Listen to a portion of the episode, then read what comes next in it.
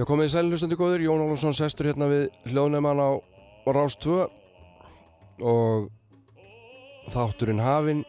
Og það er von á gesti hérna upp úr 11, hún kemur til mín hún Þórun Greta Sigurdóttir, tónskáld.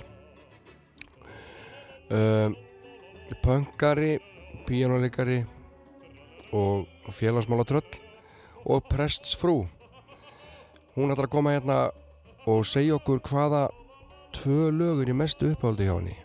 Annars vegar erlendlag og hins vegar íslenslag og við spjöllum eitthvað um það og, og fleira sem að kemur upp á.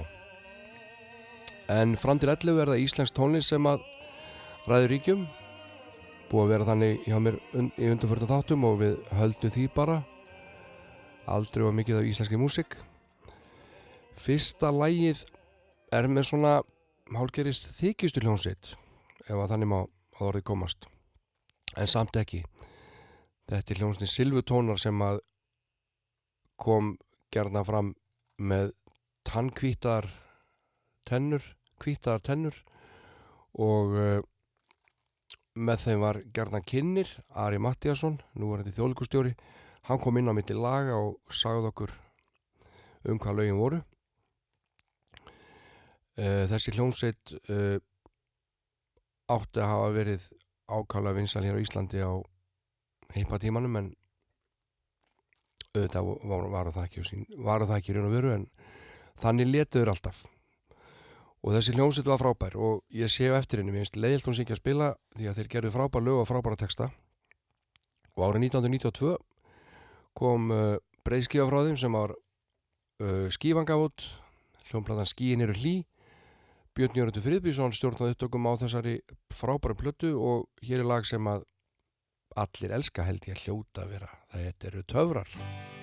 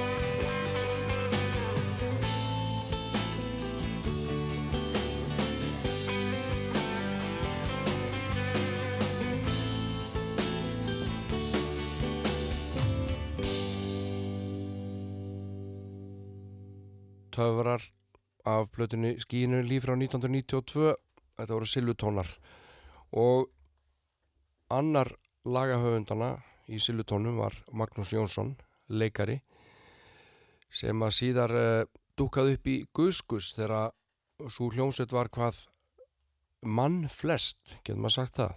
Því að þetta var ansi álitlegur hópur þegar hann hóf störf Emiliano Torini var hérna og Hafdís Huld Daniel Ágúst og Maggi Legg og Magnús Jónsson og Byggi Veira og svo mætti lengi telja.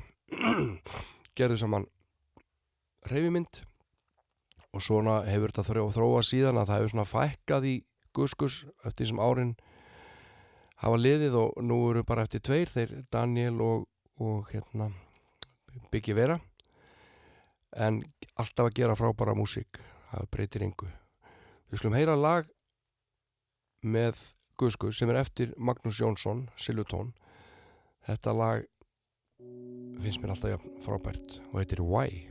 Það er flutt af Emilinu Torrini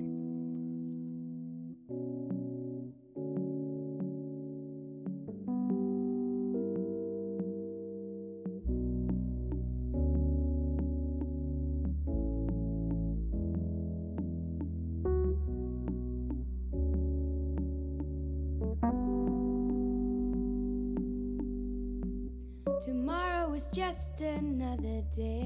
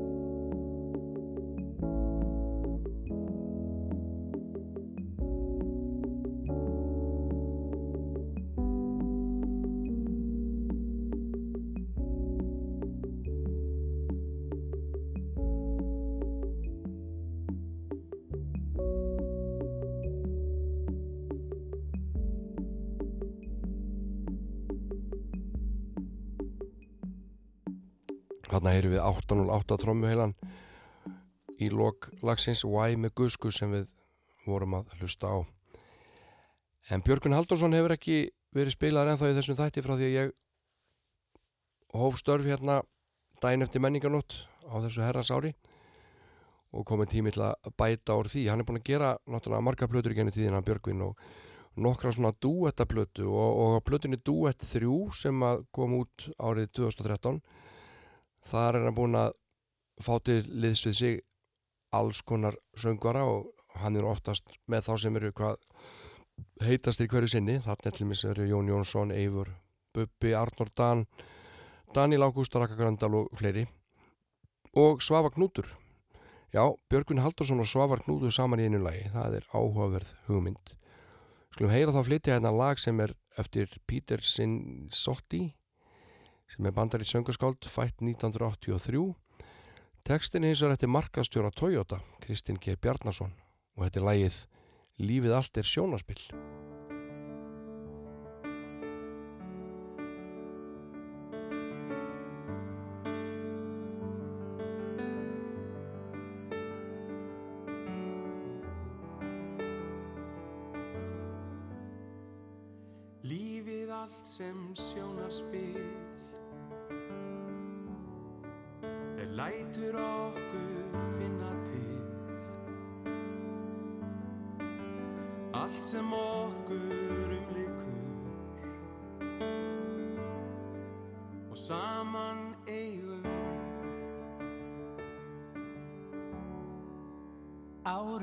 Áhrif þessum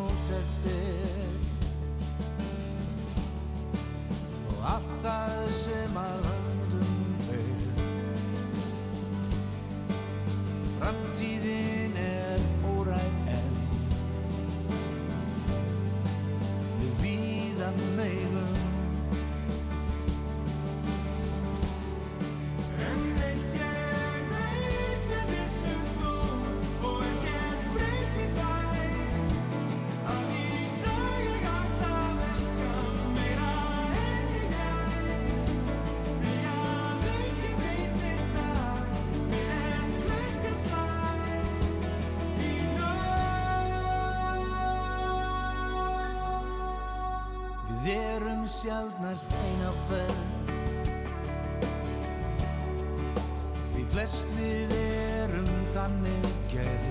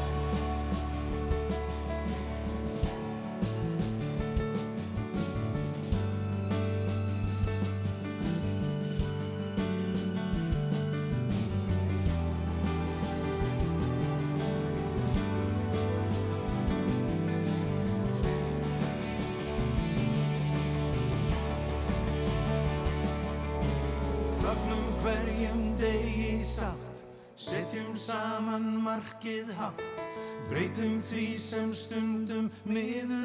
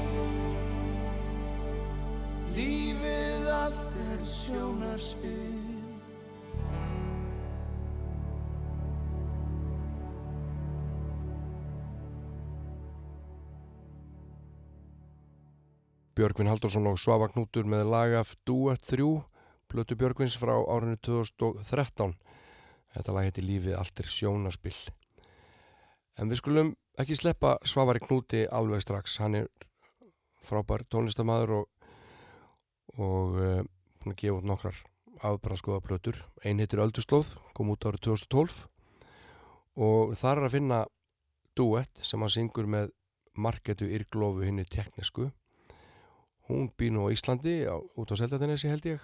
Búin að breyta þar einbýlishúsi í hljóðverk að mér skilst og hverki til sparað og maður nú eftir að fara í heimsón og skoða herligheitin og gott ef að Svavar hefur ekki verið að vinna sín, sín nýjustu lög þar, ég held það.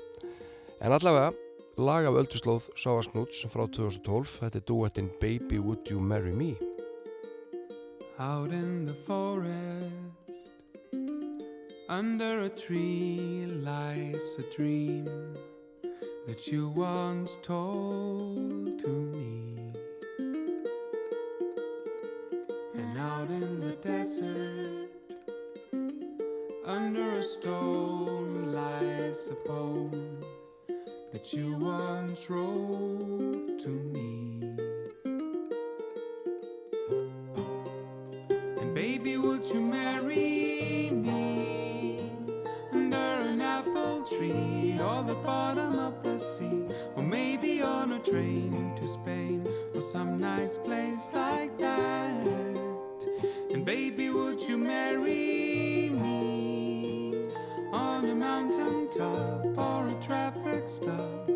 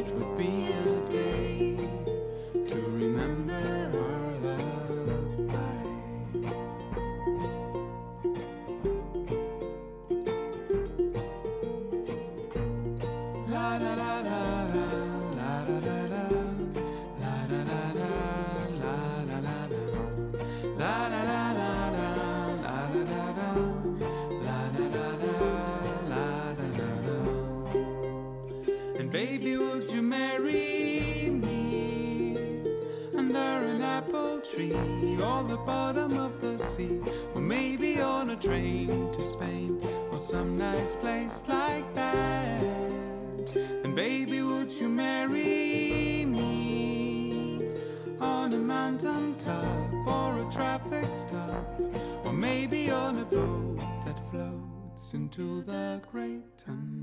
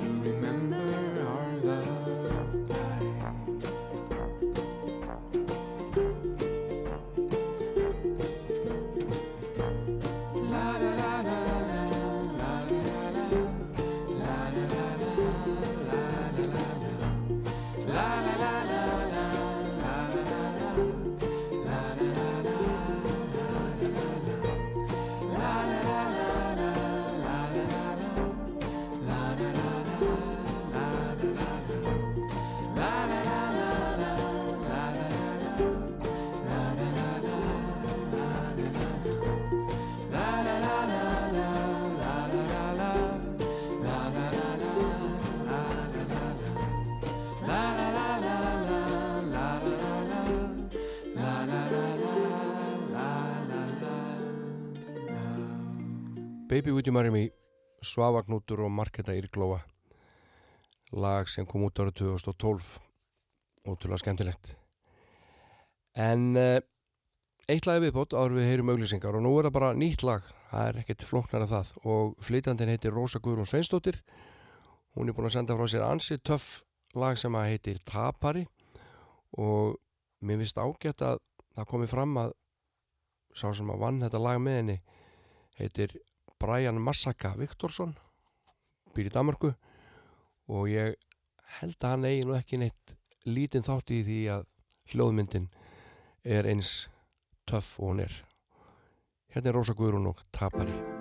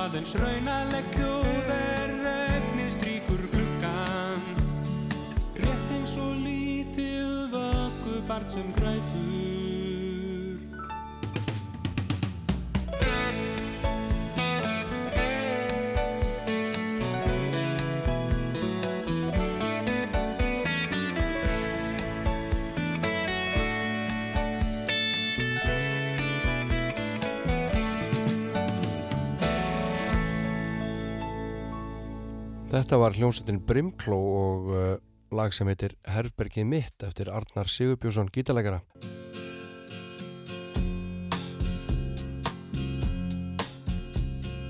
Loks er dagsins önn á enda út í byrtand vín Byrðu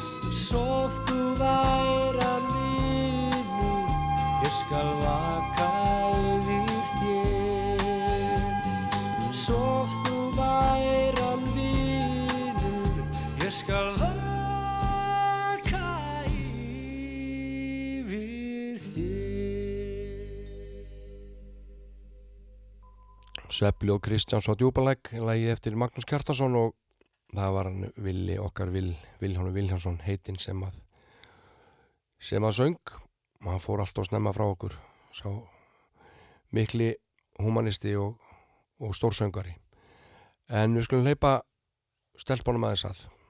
Ein sem að við getum nú alveg talið til okkar bestu kvenna er Elisa Newman eða Elisa Geistóttir eins og hún kallaði sig nú hérna lengi vel. Hún var ein af aðal sprautunum í Kolröðsu krókriðandi og síðan varð svo hljómsveit Bellatrix og síðan fór Elisa í solo heimana og við ætlum að heyra lag af hennar fjórðu soloplötu sem kom út árið 2016 Elisa er meiri hátar klár og flott tónlistakona spilar á fiðlu, gítar, ukulele semur og syngur eins og ég veit ekki hvað. Og lagið sem við höfum ákveðið að setja hérna út í loftið heitir Flöskuskeiti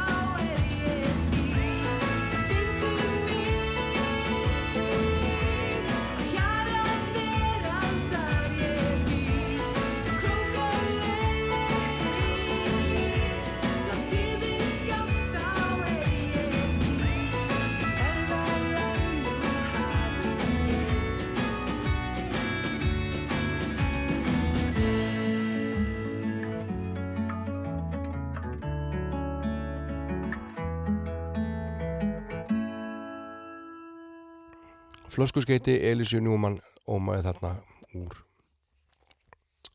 hljóðveri Rása 2 ég heiti Jón Ólafsson sitt hérna og er að spila íslenska tónlist.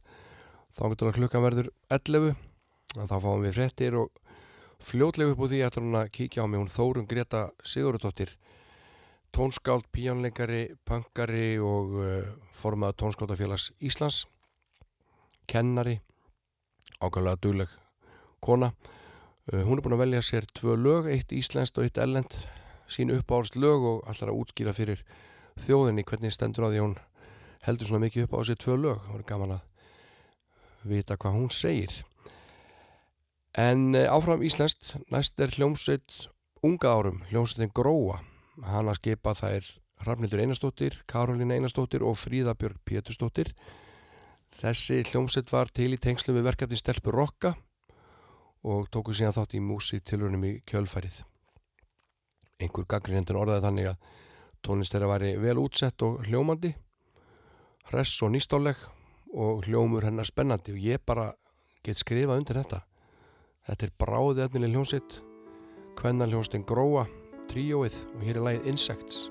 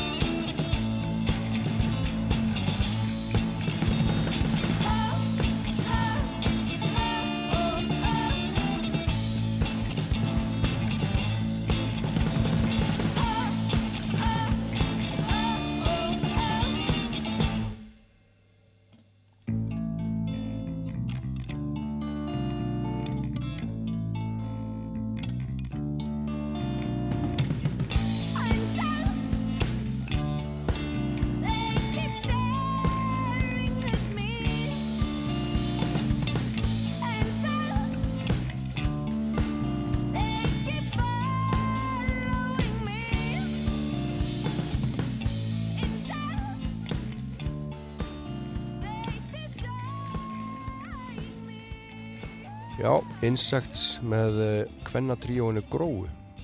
Frábært lag. Sálinas Jónsmís er búin að tilkynna það að hún ætla að leggja upp laupana og það verður eftir sjá að þessari frábæru popsveit sem að ég reyndar kom nú aðeins nálægt hérna á upp ás árum hennar. En það er önnur saga. Þeir hafa sendt frá sér alveg ógrinni af frábærum lögum gennum tíðina og alltaf mjög grípandi þessi þungu högg kannski eina platan svona með eh, hvað hann kalla óaðgengilegu efni innanum en frábær plata líka.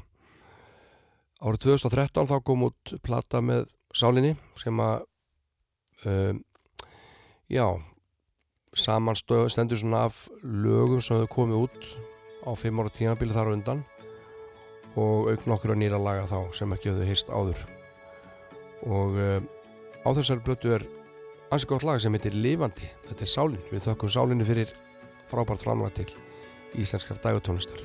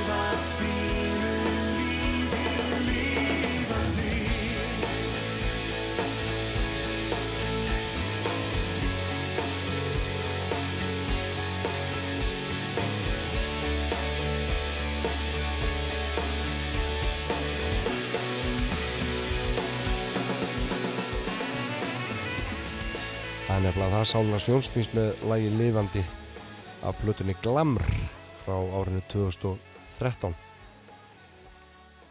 Árið 1996 gaf Páll Rósinkrans söngara Jet Black Joe út sína fyrstu soloplötu sem að heitir eh, I Believe in You. Titilægi er eftir Bob Dylan og kom út á plötu hans Slow Train Coming held ég. Þegar að Dylan var í, já, ég sé hann hafi verið í trúarpakkanum gerði nokkra svona trúalegar plötur og hefur jafnvel aldrei eða sjaldan sungið jafn vel finnst mér eins og á þessum það var svona, já ég trúði honum eiginlega bara. Alveg sem ég trúi Páli Rónsakrans vel í þessu lagi, hann flytur þetta lag stórkostlega. I Believe in You eftir Bob Dylan. They ask me how I feel and if my love is real and how I know I'll make it through. And they look at me in front like to drown me from this town. They don't want me around because I believe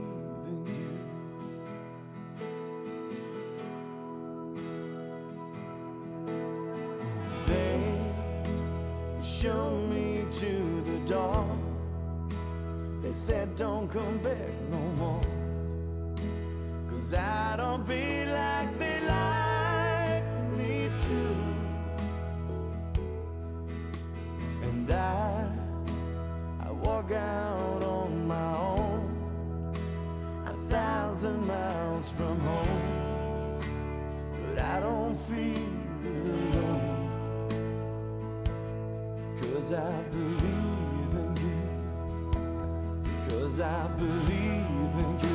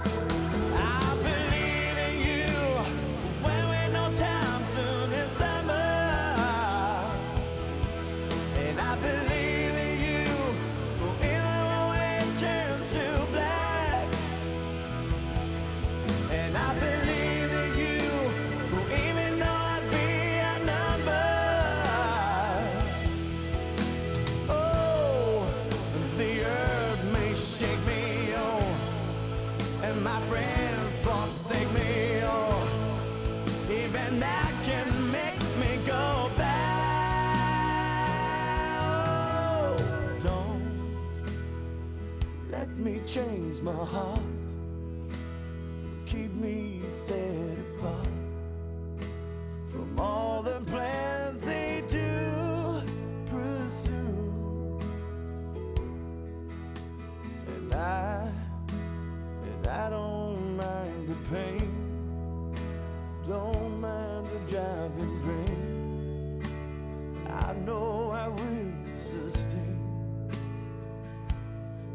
because I believe in you. Because I believe in you.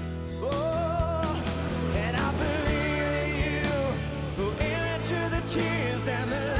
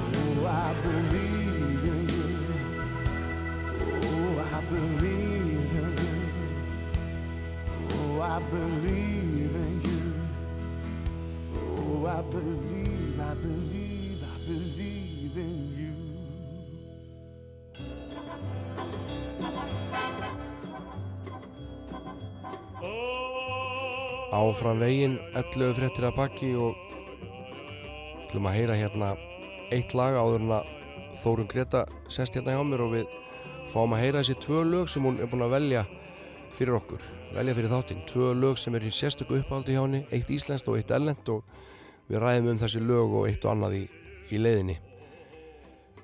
Það er hins vegar norsk söngkona Anne Brun sem ætlar að syngja fyrsta lagi hérna eftir 11 fréttir hjá okkur.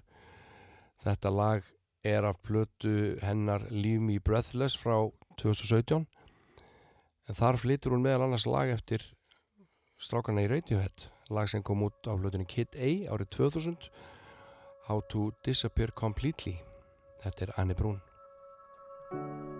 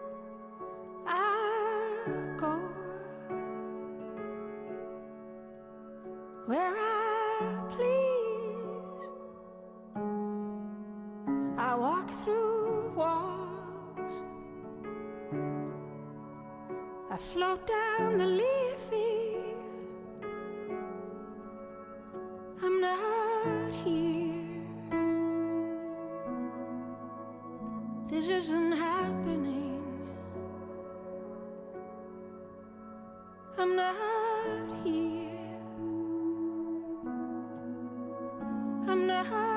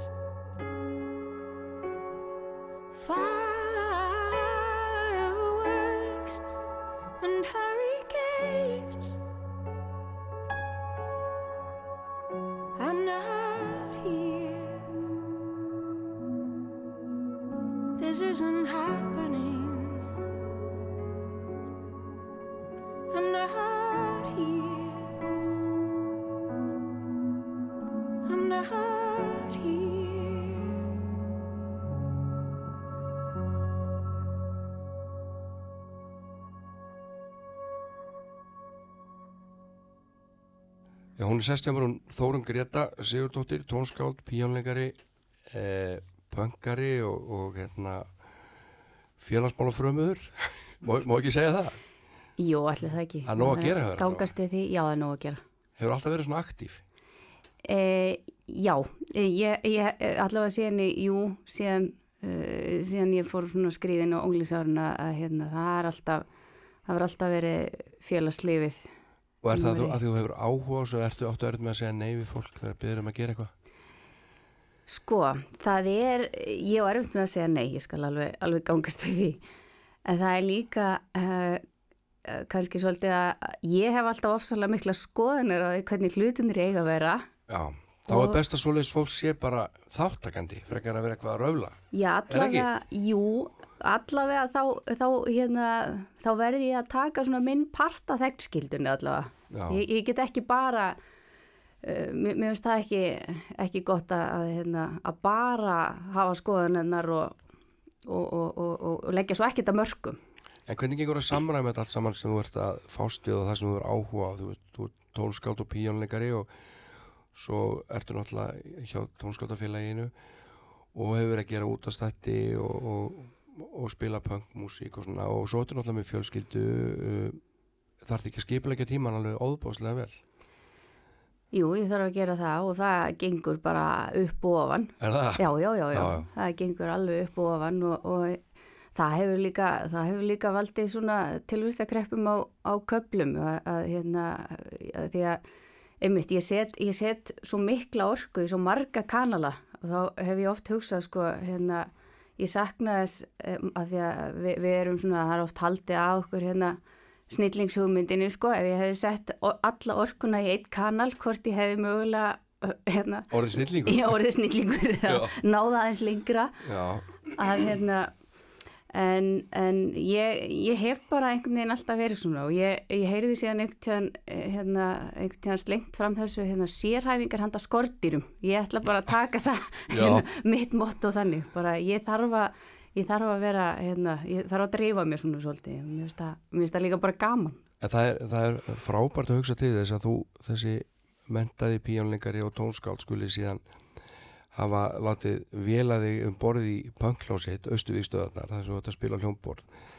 Þetta er eitthvað sem þú sást tæplega fyrir þegar þú varst að æfa hérna skalana í gamla daga.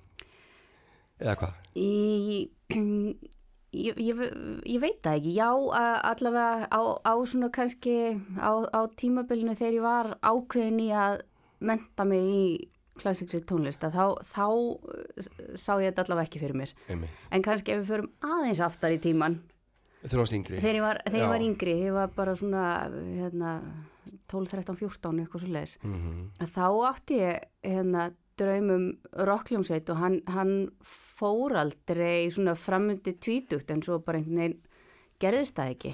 Og, og, og, það, hérna, það á sér bara held ég svona ákveðnar samfélagslega skýringar Já. mörguleiti. En, það, en hvernig var svo að upplifa draumin að, enda svo í rockljónsett eftir allt saman og vera að spila punkmúsíkina með, með hérna austuvíkstöðunum. Hvernig eh, var þetta svo eins stórkustöld eins og ímyndaði þér? Þetta er allavega alveg ótrúlega gaman. Þetta Já. er ótrúlega skemmtilegu félagskapur. Það er rosalega gaman á æfingum og það er alveg rosalega gaman líka að, að hérna, fara og borða saman eftir æfingar og, og hittast og Þetta er svona saumaklubur. Já, við erum bara með, hérna, við erum svona svipað þengjandi hópur náttúrulega og hérna bara eh, eh, rosalega, einmitt, rosalega góð fél, félagskapur og svo er þetta ótrúlega gaman náttúrulega að, að spila líka á tónleikum og Mm eistnaflug var náttúrulega alveg geggjað og Hvernig ekki bæjabjó? Ég komst ekki. Það gekk bara, það var rosalega gaman í bæjabíu það var ekki fullu salur en það Það er ekkit punk í því það fullt. er ekkert, ekkert böngin í einmitt og, og hérna, en það var æðislegt að spila í, í bæjabíu og frábært hús. þetta er, þetta er ótrúlega fallegt og, og, og indislegt hús og svo var hérna og, og að hafa Ívar að, að hérna mix okkur og, og svona Já, Ívar Bongo. já, Þú er náttúrulega bara verið. Já. Bassalegarinn úr Ísæðun. já, Já. þorði ekki einu svona þorði ekki einu svona að segja hæ sko Nei. en uh, þú valdir tvö lög sem að uh, eru í uppáldi hjá þér að ég baði um að velja tvö lög það er sagt eitt íslenskt og eitt ellend og ég veit að þetta er alveg veist, það er ekkit verra en þegar mann er stilt við vegg að velja svona fá lög þú veist, ég oftur í beinum þetta hvað er bara uppáhaldslægi eitt og ég, velti þessu yld sjálfur ekkit mikið fyrir mig heldur bara hvað, hvað finnst mér núna. Já, og þá þarf maður ekkert að vera svo skiptir maður kannski skoðun eftir hálft ár, þá er kannski getur með einhvern tvö önnur. En þú Einmitt. varst nú snögga svara en það fegstu lítið fyrirvara. Og fyrst langar með að spyrja þú út í þetta tíu mínúta langa lag sem að ætlar að láta þjóðin að hlusta á hérna eftir. Child in Time já, með Deep Purple. Já. hvað, hvað er svona magna við þetta lag í þínum eyrum Þetta er, það hérna kviknaði, uh, hvað maður að segja, mér finnst þetta svona, ég fór, ég fór, ég fór svolítið aftur um þetta að hlusta á Deep Purple í kringum Östuvistuðarnar. Ég hafði ekki, ég hafði ekki sett þessar plötur á bara í mjög langan tíma.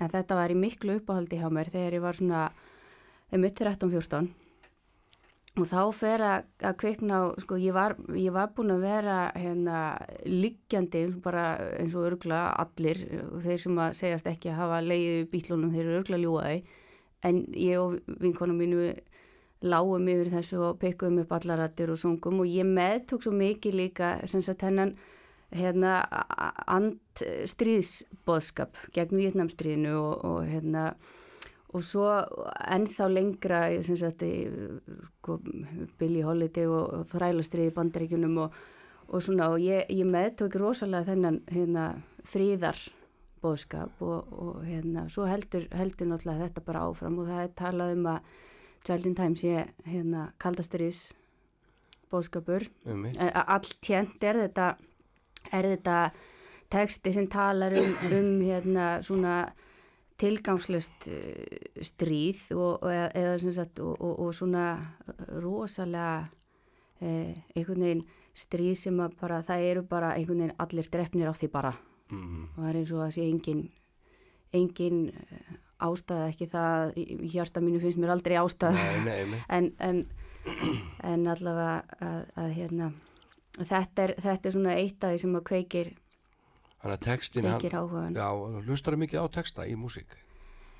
Mjög, mjög mismikið, ég hlusta nefnilega fyrst og fremst á, á tónlistina og ég hef, ég hef alveg oft pælt í því af hverju, af hverju kann ég ekki þennan texta í þessu lægi sem ég hlusta á örgulega 300 já, sinnum. ég, ég skriði þetta sko. Af því að, að, því að ég, ég hlusta aðeins svona bakvið en, en ég hlusta samt á laglínuna, ég kann hann alveg en en akkur, akkur heldur að hafa farið að hlusta þennan texta samt það er bara af þessum ástæðum sko. Hann er mjög eh, að nátt, því yrkisefnið höfða til því náttúrulega. Algjörlega og, og, og, og gerði sérstaklega og, og þetta, er, þetta er náttúrulega ekkert undir rós þetta er bara, þetta er bara sagt eins og það er. En hvað með músíkina í þessu lagi, ég meina orgeleikur John Lord er náttúrulega me, það, meiri hátar það er náttúrulega það er náttúrulega aðalmáli og ég hérna eitti lungum stundum í að að pikka þetta upp. Já, já, já, já, satt yfir þessu með, með tekniks hljómborð og pyrraði mig mjög mikið að ná ekki alveg sama sándi og, já, og svona.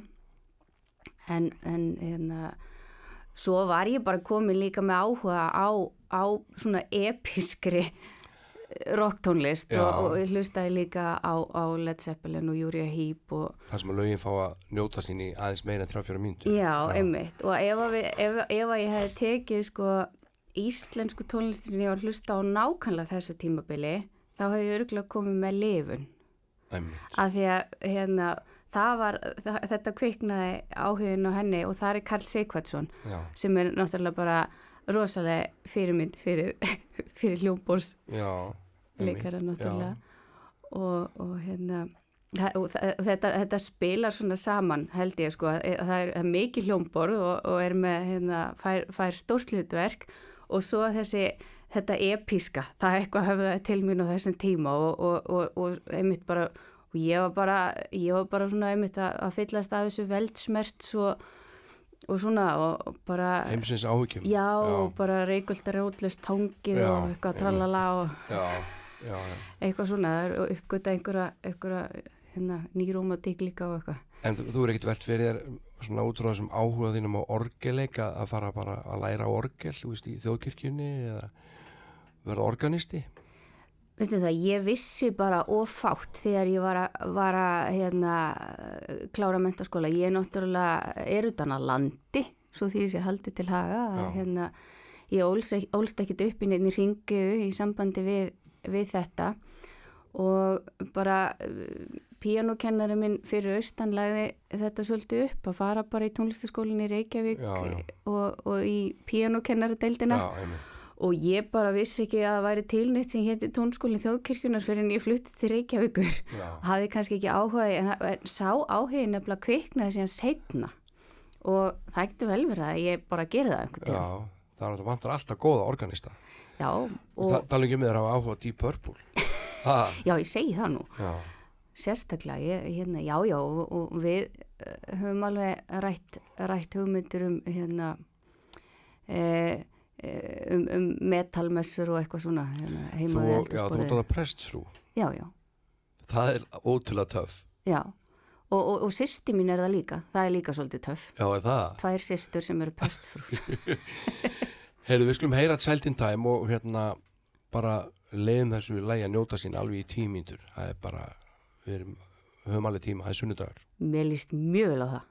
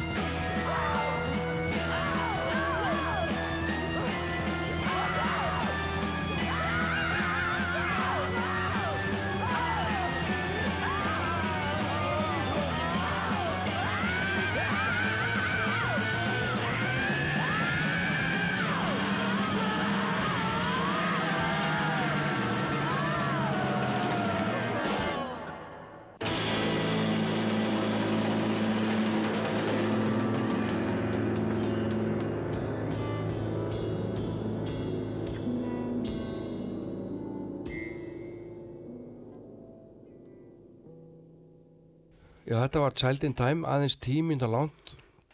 Og Þórun Greta ákvaða að vera bara flott á því þegar hún fekk að velja sér lög hérna í þætti, þáttinn, hún valdi þetta sem svona uppáhaldslægi sitt í dag allavega af Erlendubergi í brotnu.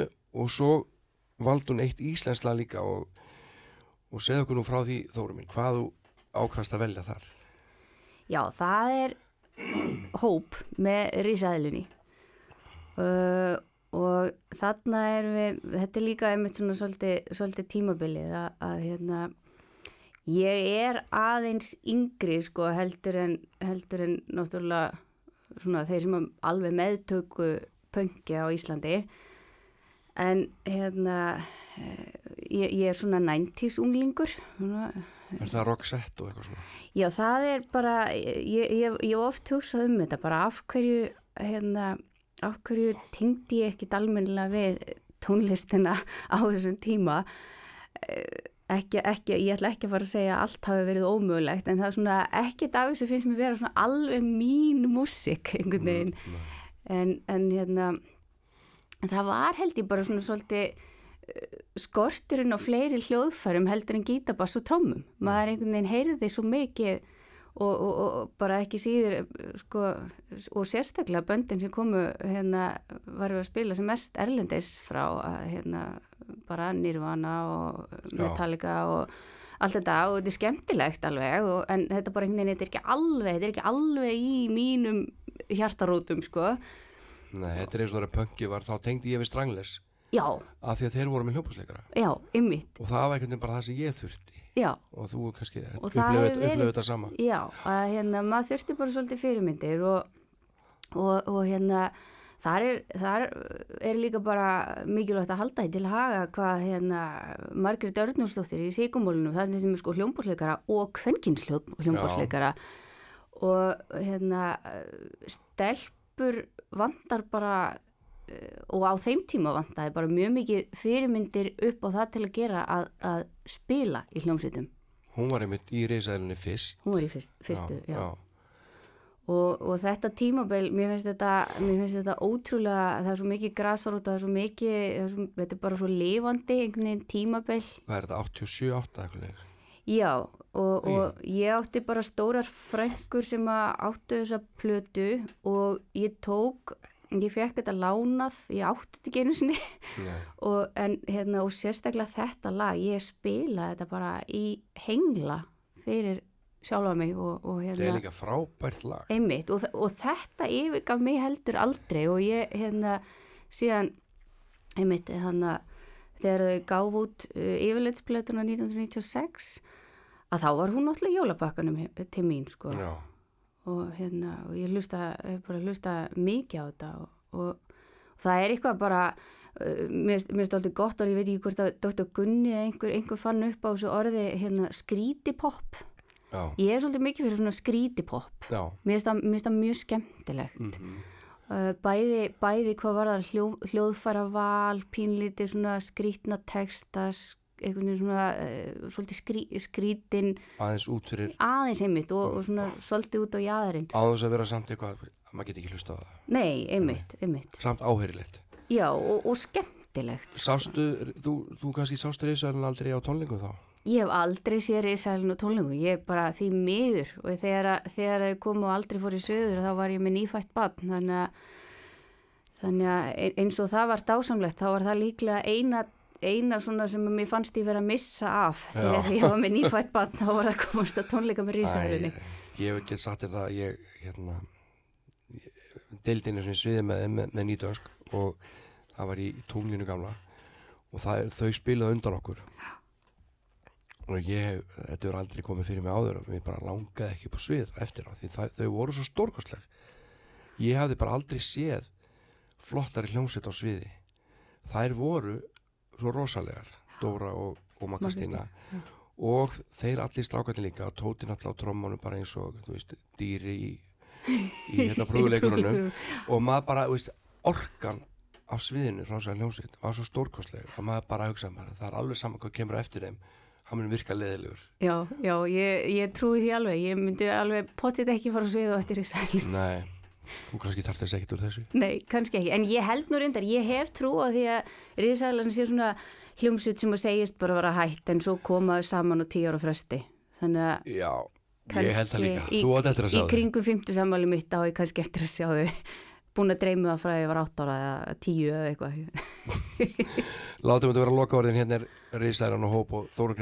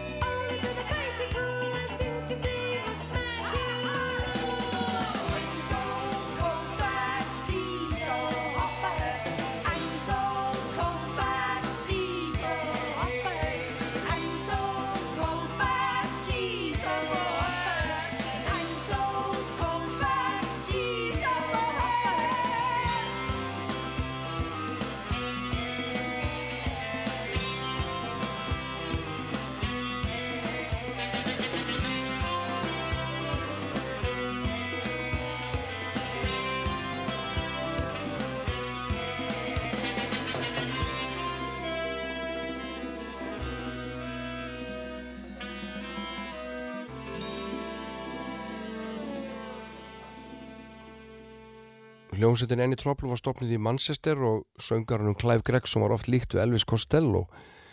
Kannski aðalega þegar þið voru báðir svona með frekar hátt enni og, og Buddy Holly gleru og spiluðu svona já, hressilegt nýbylgjur rock. En tónlistilega séð kannski já, myndi ég nú segja að Costello væri aðeins dýpri, allavega textalega. En uh, Annie Trouble og Clive Gregson gerðu frábær poplög, oft stutt snakkarleg og jafnir hröð hljómsveitin kom til Íslands árið 1981 ég held þetta nokkra tónleika. Tvisa sinum á Hotel Borg og allavega með hljómsveitin í start í annarskipti því ég var nú viðstatur það uh, þeir fóru til Selfo spiluðu þar, þeir fóru í Stapan í Keflavík. Spiluðu úti fyrir utan Tommaborgar held ég. Sem voru á grensásveinum aðmi minnir og svo heldur loks tónleika í lögutarsöllinni og mætingin hefði mátt vera betri skilst mér en þetta var svo sem engin supergrúpa á heimsvísu þó hún hefði gert skemmtileg lög. Við slum heyra tvö lögum enni trópul fyrst Second Choice og síðan Romance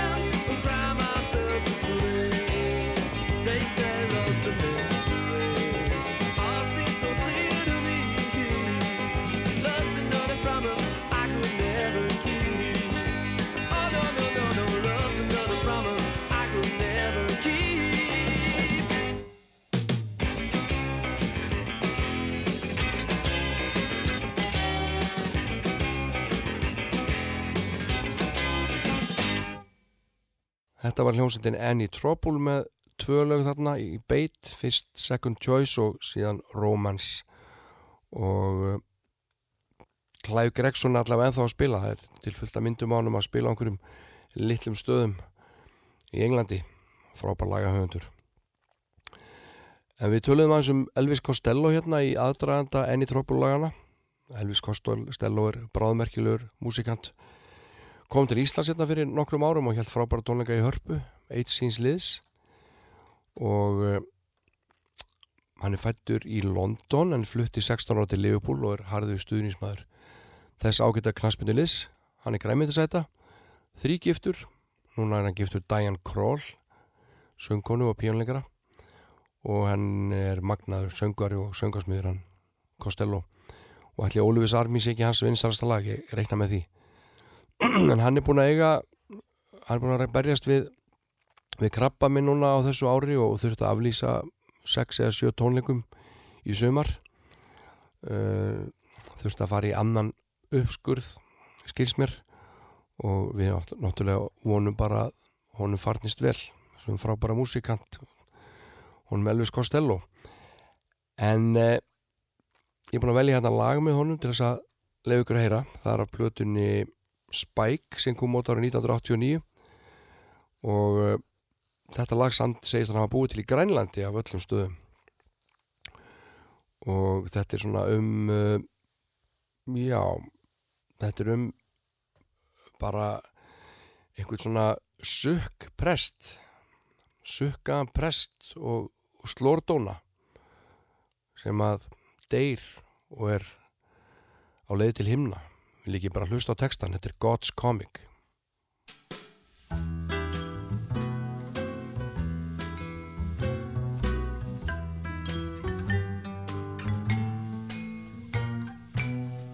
I wish you'd known me when I was alive. I was a funny fella. The crowd would hoot and holler for more.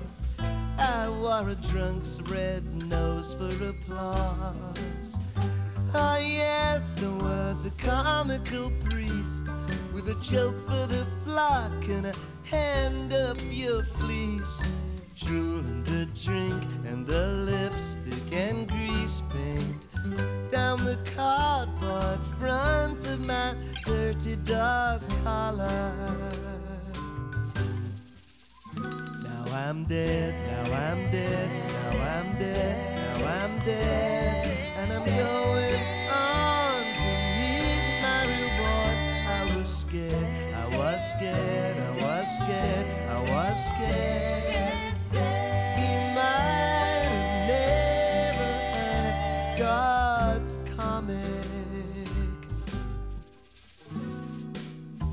So there he was on a waterbed, drinking a cola of a mystery brand, reading an airport novelette, listening to Andrew Lloyd Webber's Requiem. He said before it had really begun, I prefer the one about my son. I've been wading through all of this unbelievable junk and wondering if I should have given the world to the monkeys. Now I'm dead, now I'm dead, now I'm dead, now I'm dead, and I'm going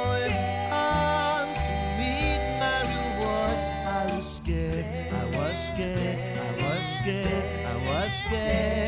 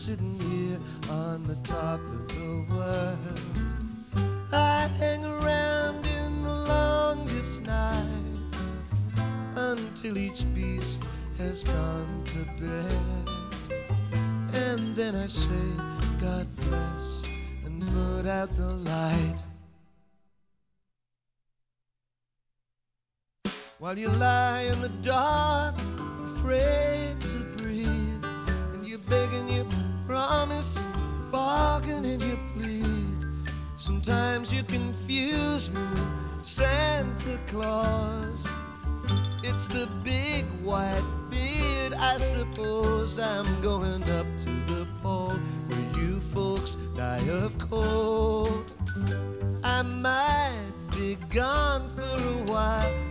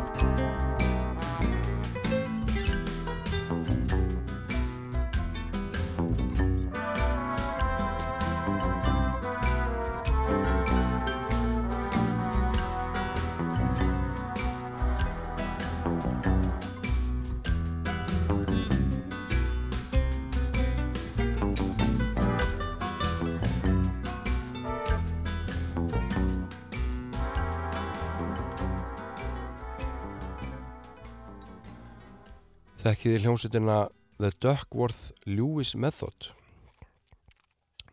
Ég hef aldrei heyrt hana nefnda fyrir ég fór að bara aðeins að, að þræða internetið á dögunum. Þetta er írsk hljómsveit og uh, hún var stopnuð af þeim Neil Hannon úr Divine Comedy og Thomas Walsh úr Pugwash hljómsveitinni. Þetta er líka nafn fyrstu plötu hljómsveitina sem kom út árið 2009 og það sem er svo merkitt við þessa plötu með þessari hljómsveit með skrýtnanafninu The Duckworth Lewis Method það sem er svo merkitt með þessa plötu er þetta er svona konceptplata, svona þemaplata uh, og hvað haldið að þema sé? Jú, cricket Við verðum að heyra eitt krikketlag, eða ekki? Lagi heitir Sticky Wickets.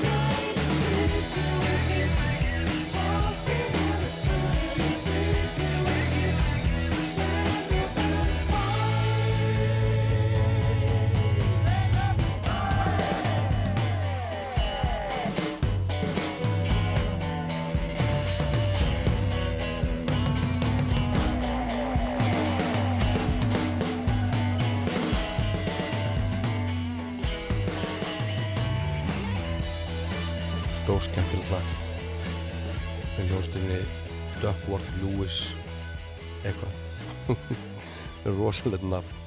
Duckworth Lewis Method, Sticky Wickets af fyrstu plötu sveitarna sem að fjallar um cricket, íþróttina, sem að ég kann ekki neitt í, en oft séðan í sjónvarpinu.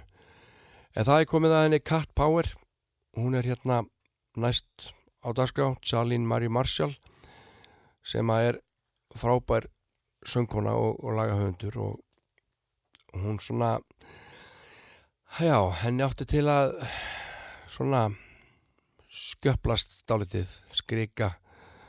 Henni svona skrikaði fótur stundum á tónleikum alveg allt fram til 2006 þá svona tókum sem ég gegn en, fram að því voru, voru tónleikar hennar svona já, tímandi tímasprengja, fólk vissi aldrei hvað það fekk hún átti til að hætta bara í miðum klíðum eða hætti miður lægi fara að spila eitthvað annað fara að rífast við fólk og tómt vesen. Og hún útskýri þetta allt saman á þann hátt að hún hafi verið að díla við mikinn sviðskrekk og kvíða. Og þegar það fór í síðan í hérna, eitt graut með áfengi og eitilugum þá var útkomand aldrei svona ófyrirsjánleg á þessum tónleikum. En mér skilst að Charlene hafi nú tekið sér saman í andlitinu. Mér skilst það, ég veit ekki raun og veru meira bara um það sem ég lesið. Og við bara vonum að það sé ekkit ómikil áhætt að fara á tónleika með henni í dag hún kallar sig Cat Power og hér er frábært lag sem heitir The Greatest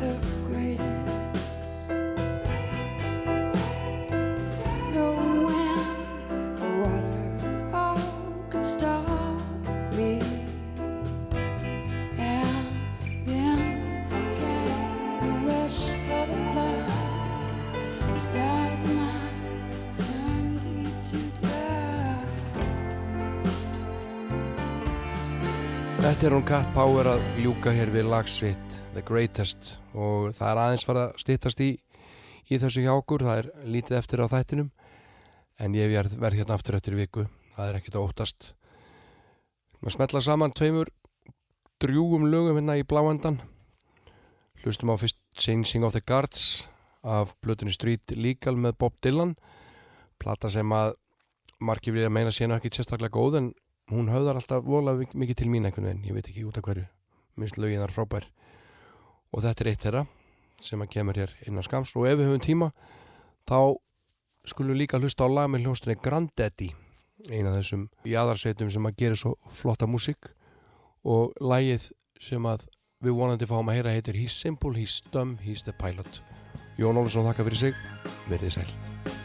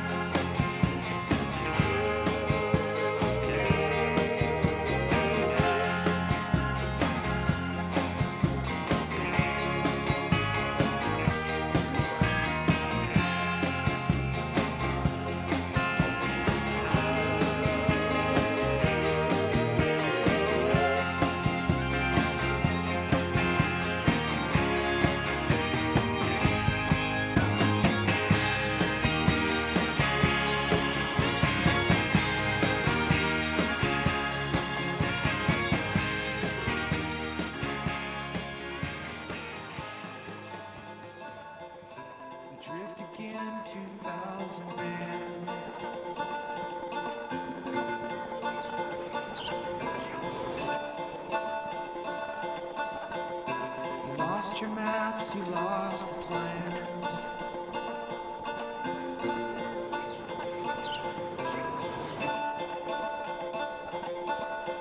Did you hear them yell, land, damn it, land?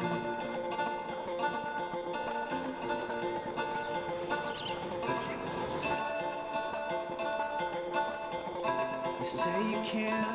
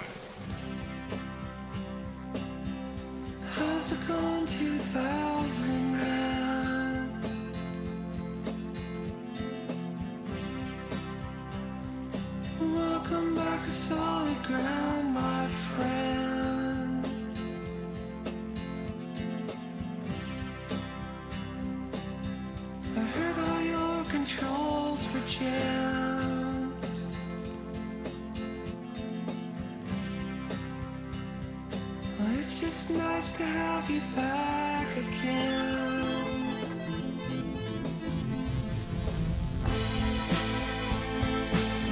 But I guess they still don't understand.